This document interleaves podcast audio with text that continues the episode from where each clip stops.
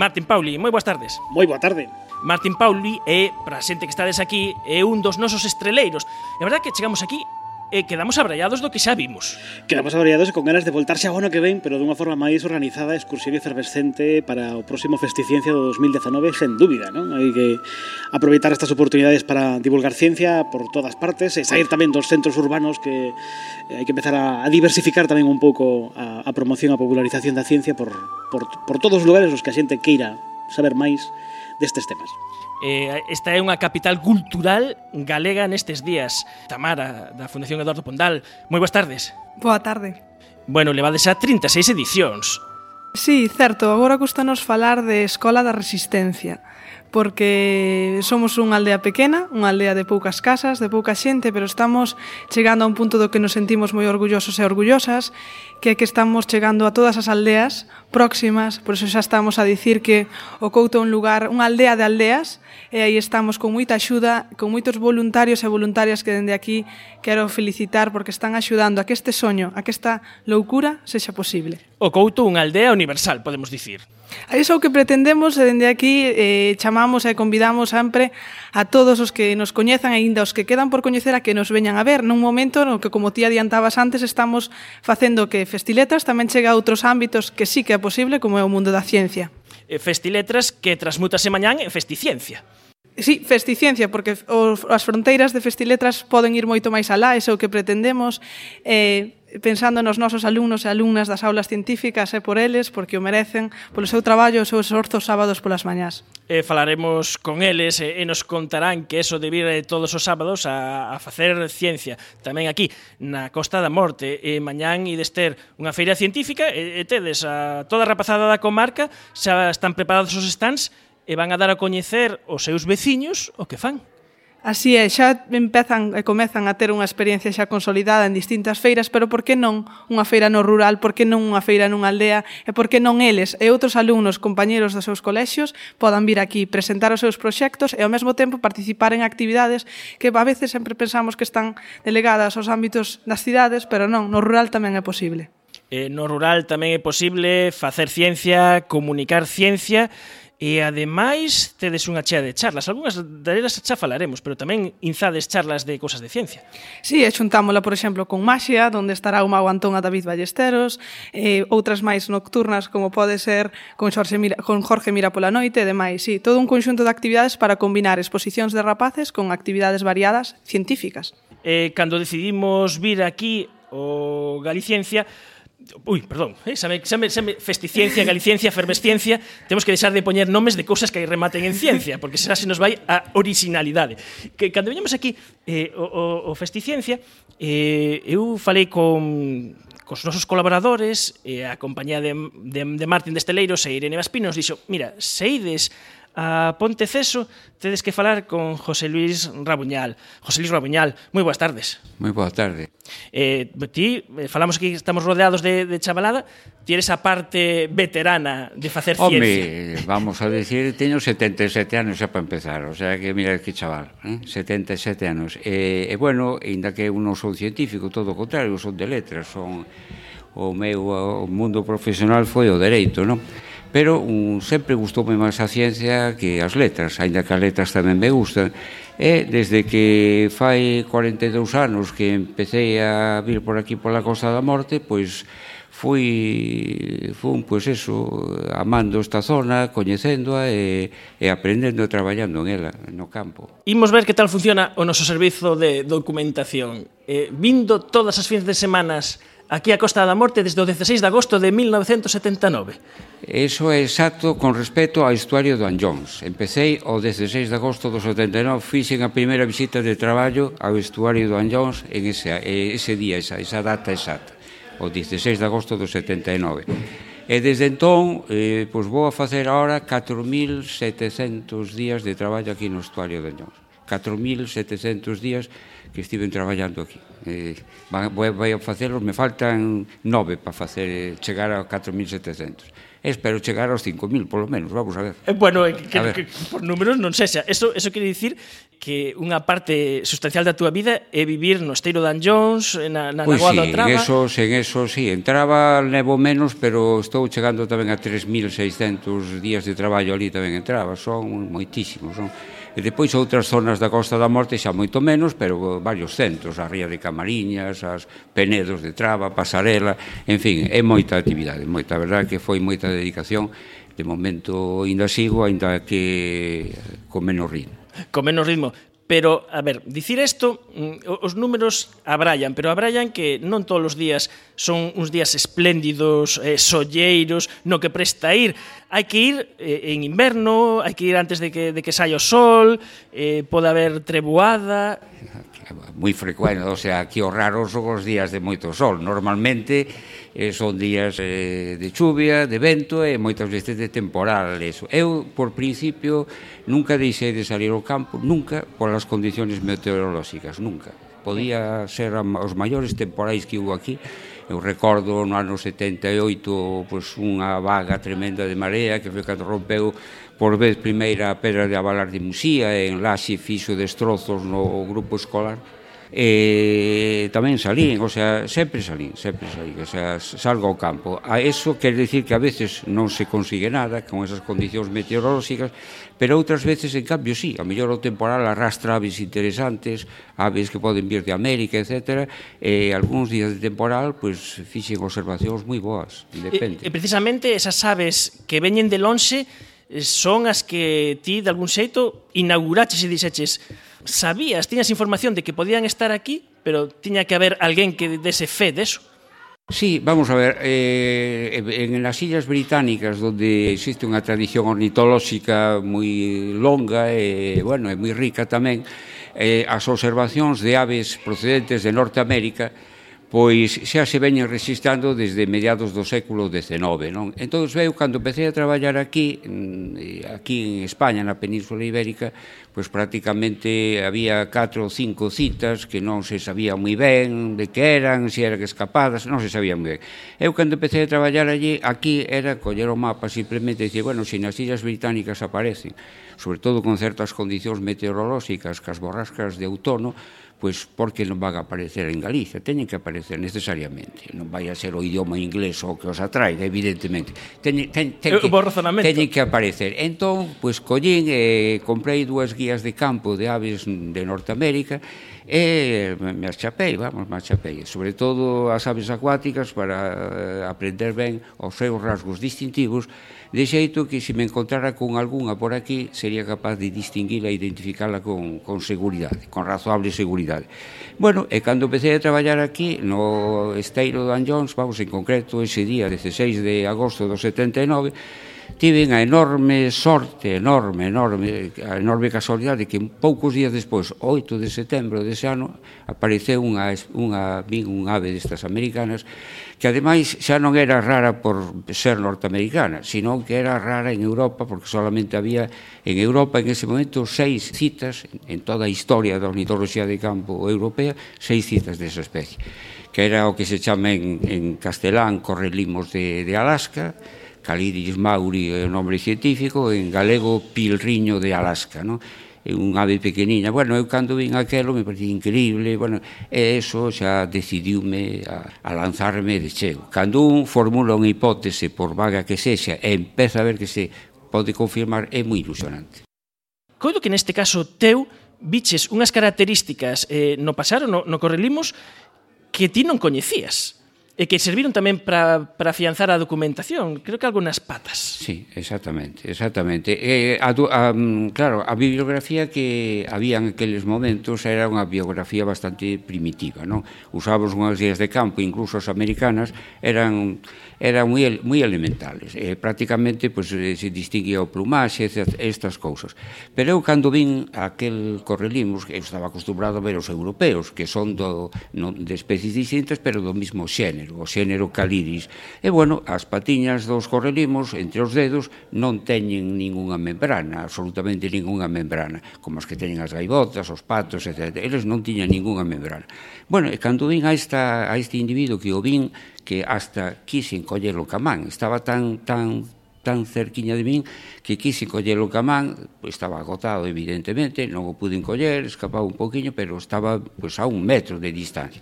E ao verlle os dediños vi que entre eles había unhas membranas interdigitais nas bases dos dedos que chamarme moita atención E dicía, coño, pero eu nunca vin isto nos, nos correlimos. Non correspondía co... Non, e, entón, a mellor, claro, tampouco me fixei nunca no, moito nos dedos da, das aves que estaba mirando. entonces quedoume esa, esa cousa, non?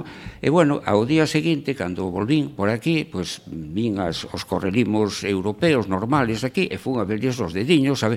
E, claro, non tiñan a membrana esa. E eso chamou moito atención, chamai, quedoume grabado, pero en aquel momento eu non tiña bibliografía que me explicara iso. Pasado pouco tempo había eh, comprar entón unha guía que era, bueno, sobre limícolas de todo o Ártico, americanas, europeas e asiáticas, que era un clásico, Prater, Marchand e Worinen, e, e bueno, e aí viña eso, que solamente había dous especies de correlimos no mundo que tiñan esas esmembraniñas. As dúas eran americanas, un era ese, o Correlimos de Alaska e outro era o chamado Correlimos Semipalmeal, que tamén o vin, pero máis adiante. E así, eh, grazas a esa descripción, podose facer o reporte, porque mm, hai quen di que no mundo da ornitoloxía eh, José Luis Rabuñal é como pai de xeracións que logo de ornitólogos que viñeron despois e dicían unha cousiña, José Luis, dicían que ti eh, xa ías a mirar paxaros cando as guías eran en branco e negro Cosa importante, e cando os prismáticos non eran estancos, e se se mollaban perdías o aparato. Sí, no, por suposto, vamos. por suposto, eu empecé a mirar pasearos, home, non así, con este rigor eso, porque era, pero eu empecé a mirar pasearos na década, aínda que parece que mentira, na década dos 40, 1940, cando era un neniño pequeno, pois na ría do Burgo, a ría da, ver, corresponde a ría da Coruña, que chamamos ali a ría do Burgo, pois eu mm, iba a mirar pasear os prismáticos e sin nada, e, e, e non sabía distinguir moi ben, pero veía, por exemplo, o Picapeixe, o Martín Pescador e, e outros, non? E, e sei que cando ias ollar de cativo eses paxaros, levabas os prismáticos do teu pai, e cando te preguntaban onde ibas, dicías, eh, fun ao cine. Bueno, eso é unha eso é unha unha unha, unha realidade e, a veces, non? A, a, a meu pai non lle gustaba, eu me gustaba, era moi era pequeno, era pequeno iba a Ría iba ao monte, o sea, me gustaba subir ao monte, e subía normalmente solo, a mellor que tiña oito anos, nove anos, dez anos, e collía, e me tiraba ao monte arriba, e veía pois, os miñatos, veía, bueno, lagarteiros, esta especie de aves, e, de, e outras que non sabía como se chamaban. Pero, bueno, velas, eh, sentir esa emoción, e ver un raposo, e ver un coello eh, silvestre, todo eso, a min como rapaz, eh, despertábame unha enorme ilusión. Entón, eu, en aqueles tempos, aos xoves pola tarde, non había clase, estudiaba na Coruña, non había clase. Bueno, eu collía o tranvía, que entón era o tranvía, e me iba a casa de os meus avós ali no Portado, a 5 kilómetros, e detrás da casa había ese monte, eu iba por ali.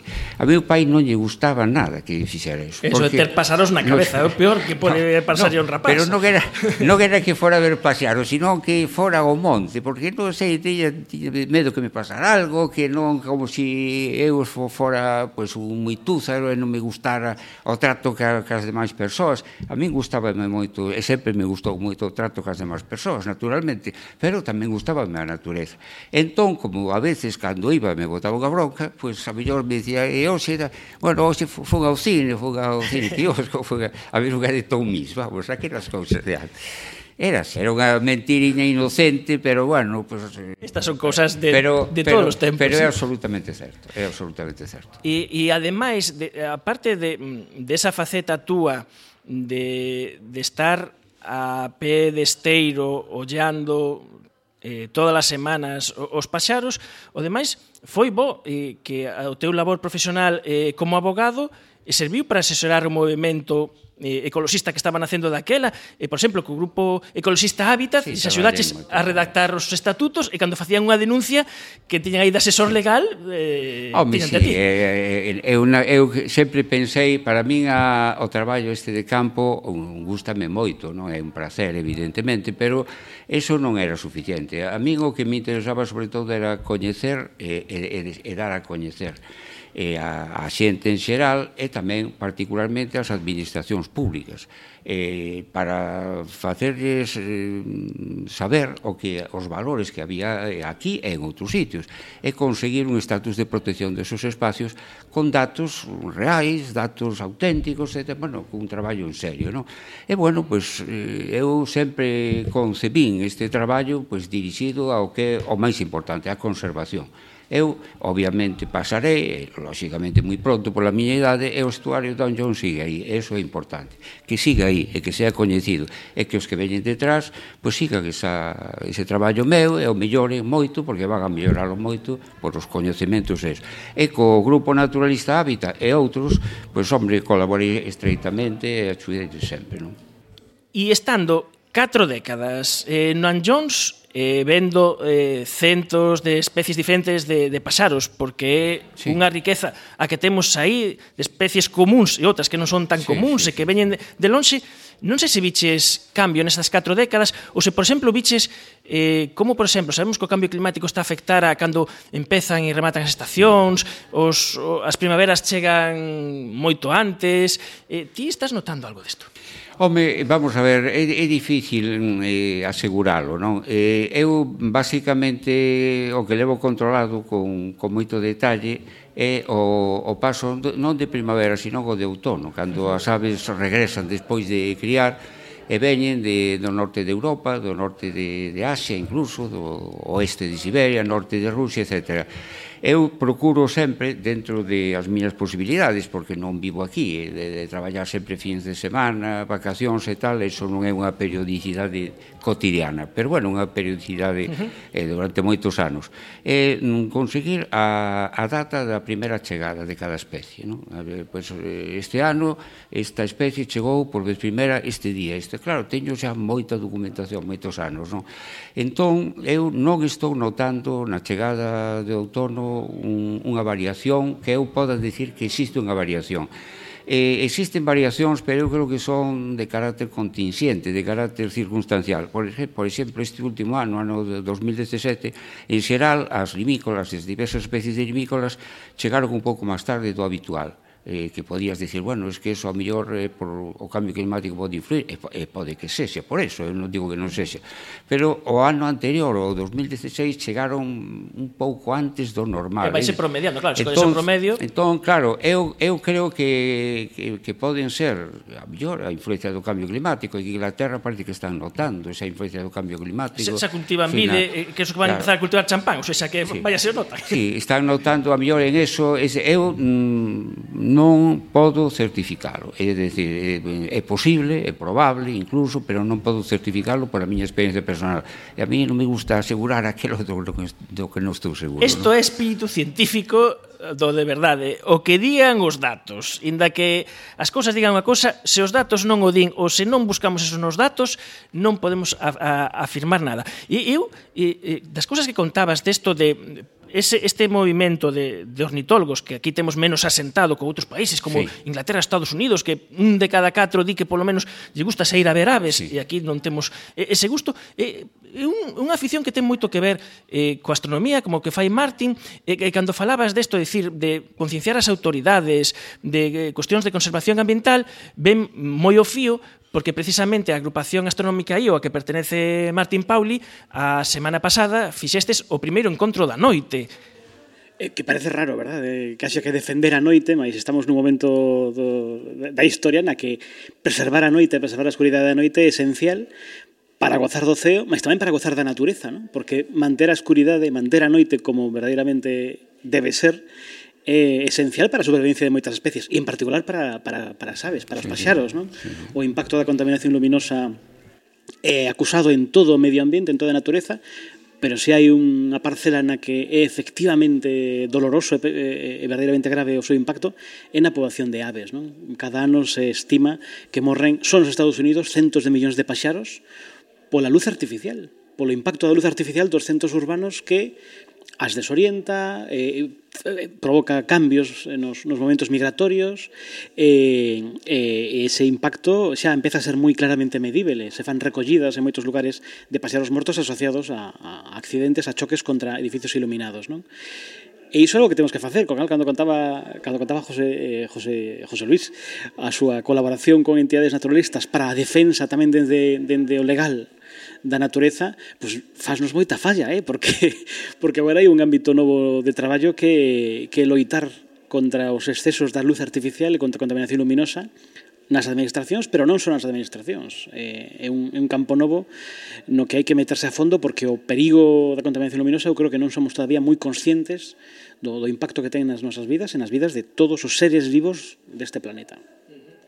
A veremos de, de seguir falando en efervescencia. Xa falamos eh, de cotío da contaminación luminosa, pero o, o fío deste primeiro encontro da noite eh, estes eh, invitados eh, científicos de, de primeiro nivel que nas vindeiras semanas han pasar eh, polos nosos micrófonos. Eh, José Luis, eh, non sei se ahora o esteiro Dan Jones está moi iluminado ou tedes a sorte de son tedes sitio que todavía eh, se pode bueno, non hai luces que estorban. Vamos a ver, está moito máis que antes que antes non estaba nada pero bueno, eu creo que eso non perxudica sabes, eh, creo que non. Eh, eu creo que ao que se refire o compañeiro é efectivamente un peligro moi grave que é sobre todo nas migracións.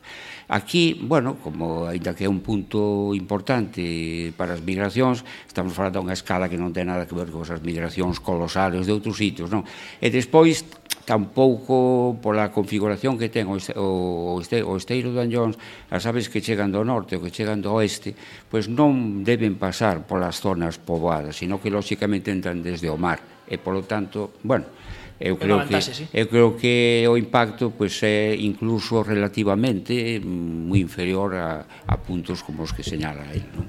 Un, un, unha nota que xa está empezando a pasar en moitos lugares de Europa, en particular en Francia, hai moitas vilas que en certos momentos do ano modifican a iluminación artificial da noite para para favorecer justamente as migracións das aves e apagan literalmente as luces das vilas para constituirse como corredores sí, polos que sí. poden eh, circular con maior tranquilidade e liberdade eh, eh, esas aves. E iso son cosas que Habría que empezar a pensar tamén a facer aquí en Galicia, non?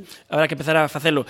Eh, foi todo un honor eh, para nosos de Efervesciencia poder conversar, inda que fose este anaquiño con José Luis Rabuñal, que se coñece, que vive prácticamente, son casi esos que, que, iba, 15 iba para os 15.000, non? 15.000 días. Non, non, non, non. Vai, vai, eh, eh, exactamente no Anllóns vou facer eh, 4.700 vai, dentro de nove días. Dentro de nove días. bueno, eso, pero eso como estar vivindo eh, máis de 10 anos continuamente sí, no, nos teño. Casi 13 anos. Casi, casi 13 casi, anos. Casi 13 anos. Casi 13 anos. Bueno, pois... Pues, se si Entraba 12. Al... Bueno, pois pues, alguén quere vir a ver, ver pasaros eh, que veña en fin de semana, ten moitas probabilidades de atoparse con José Luis, eh, eh, polo que sei, encantado de compartir os seus coñecementos con calquera. Para mí iso é esencial. Eh, a min, eu digo a veces porque agora non podo andar tanto como antes, eh, teño artrose, teño un desgaste de rodillas tremendo, como é natural despois de semellantes excesos, non? Pero entón, pois ando por aí polo Paseo de Cabana, eh, donde ando basicamente, e eh, a veces, pois bastantes veces, xente que pasa por ali, pois me, pre, me pregunto, me quere preguntar pero con certa timidez, a mellor que, que me estorba. Non se atreve. Eu sempre digo que, de verdad, ninguén me vai estorbar nunca, todo o contrario. Para mí a persoa que me pregunta que ten curiosidade, todo o contrario. Para mí é un placer poder falarlle, poder explicarlle e poder, bueno, pues, pois, falar con ela. Pois, estou ¿no? pensando un día levar os micros, inda que radio, e vivir a experiencia de ir a ver pásaros con José Luis Rabuñal. Levar o micro e gravalo. E a ver que nos vai contando, a ver que as vai saindo. E mira, aquí poden subir cosas interesantes. Bueno, moitas grazas, José Luis, por vir. Gracias a vos, gracias a vos.